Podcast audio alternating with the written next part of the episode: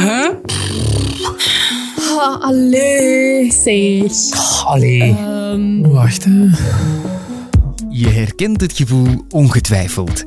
Na maanden, soms jaren, denk je... ah, zo zit dat. Maar bij Unizo willen we jou, de ondernemer, dat gevoel besparen. Met onze in-house-experten verlenen we jou advies over de belangrijkste ondernemersthema's.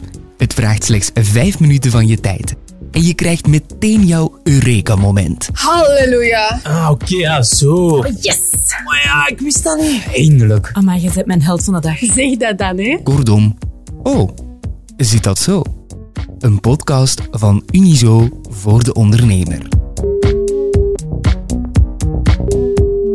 Hallo, u spreekt met Leen van de Unizo Ondernemerslijn. Waarmee kan ik u helpen? Ah, hallo. Ik zit eigenlijk met een vervelende zaak.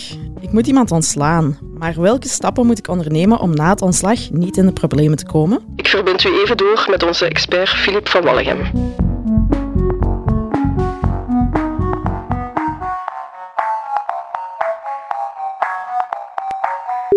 Als we spreken over een medewerker die niet voldoet, dan denken we heel vaak aan iemand die, die bijvoorbeeld altijd te laat komt, aan iemand die zijn werk niet goed uitoefent, aan iemand die niet bereikbaar is tijdens de werkuren, eh, of aan iemand die niet respectvol is of zo ten opzichte van klanten of ten opzichte van de werkgever. En dat is natuurlijk geen eenvoudige opgave om die persoon dan, eh, dan te ontslaan. Vandaar dat we hier vandaag ons gaan focussen, of het best focussen, op die eenzijdige beëindiging van de arbeidsovereenkomst van iemand die voor onbepaalde duur uh, te werk gesteld is.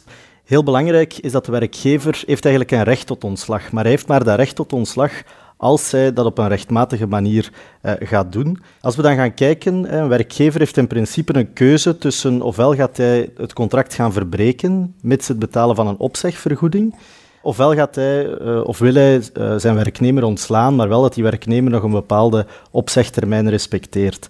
En daar gelden eigenlijk verschillende regels. Als hij iemand wil ontslaan uh, met betalen van een opzegvergoeding, dan, dan kan dat in principe zonder bepaalde vorm vereisten. Je zou het in principe ook mondeling kunnen doen. Maar we raden natuurlijk altijd een werkgever aan om toch iets op papier te zetten, om een geschrift bij te hebben, omdat dat toch wel belangrijk is om nadien bewijs te kunnen leveren. Wil hij daarentegen iemand ontslaan mits het respecteren van een opzegtermijn, dus dat die werknemer nog een tijdje in dienst blijft, dan kan dat maar als hij bepaalde regels naleeft, als hij bepaalde spelregels volgt en als hij dat op een geldige manier doet. Dus welke formaliteiten moet hij bijvoorbeeld voldoen? Wel, hij zal een opzeggingsbrief moeten schrijven. Dat is in principe, kan hij dat doen via een deurwaardersexploot of kan hij dat doen via een aangetekende brief, ondertekend natuurlijk door de bevoegde persoon, waarin dat hij eigenlijk zal gaan zeggen eh, wanneer dat die opzegtermijn begint te lopen, de duur van de opzegtermijn, waarbij dat hij ook die wettelijke opzegtermijn moet respecteren. Dat zal afhankelijk zijn van hoe lang dat een werknemer in dienst is, de anciëniteit uh, van die werknemer binnen de, de onderneming. Dus die hele kennisgeving, de duurtijd, de start van de opzegtermijn, zijn heel belangrijke elementen die mee opgenomen moeten zijn in die brief, omdat het anders een nietige opzegging is. En als dat een nietige opzegging is, dan betekent dat die opzegtermijn niet gerespecteerd moet worden en dat je onmiddellijk die opzegvergoeding uh, moet betalen. Wat zal hij nog moeten overmaken? Dat zijn de sociale documenten, de C4, het vakantieattest, het vertrekvakantie. De RSZ zal hij op de hoogte moeten brengen uh, dat die werknemer niet langer in dienst zal zijn. Ik weet dat er ook sancties zijn bij eventuele fouten in de procedure. Op welke valkuilen moet ik extra letten? Wat verzamel je best? Een aantal bewijsmaterialen, zoals brieven, mails, uh, sms'en, verslagen, evaluatiegesprekken, waaruit dat toch heel duidelijk blijkt dat de, dat de samenwerking moeilijk loopt, uh, dat de persoon niet meer geschikt is om de job verder uh, uit te oefenen. En dat is heel erg belangrijk, omdat die werknemer het recht heeft, als hij langer dan zes maanden al in die onderneming werkt, om de redenen te kennen van zijn ontslag. Hij moet dat doen binnen de twee maanden uh, na het einde van de arbeidsovereenkomst. Dus vandaar uh, raden wij ook altijd aan, geven wij heel concrete tip, van deel die werkelijke redenen mee, ook zo concreet mogelijk, zo uitgebreid mogelijk. Zorg ook dat dat in overeenstemming is met het C4-formulier. Uh, zeg dezelfde redenen natuurlijk, geef geen andere redenen. En men is soms wat geneigd om een werknemer te sparen of vaag te blijven om de redenen of wat dan ook. Maar het beste is om gewoon eerlijk te zijn. Niet alleen ten aanzien van die werknemer zelf, uh, maar ook ten aanzien van de RVA. Let natuurlijk op voor dat kennelijk onredelijk ontslag. Dat hangt natuurlijk samen met de ontslagmotivering. Dat betekent dat je, dat je redenen zou geven die niets te maken hebben met de geschiktheid van die persoon of met het gedrag van die werknemer. Waartoe ook nooit beslist zou zijn door een normale en redelijke werkgever. Je hebt een aantal personen in een onderneming die beschermd zijn. Bijvoorbeeld is dat een syndicaal afgevaardigde, is dat iemand die een zwangerschapsverlof is, is dat iemand die, die vaderschapsverlof opneemt. En daar moet je natuurlijk altijd op letten. Betekent dat dan dat je die werknemer nooit kan ontslaan? Nee, dat, die bescherming is niet absoluut.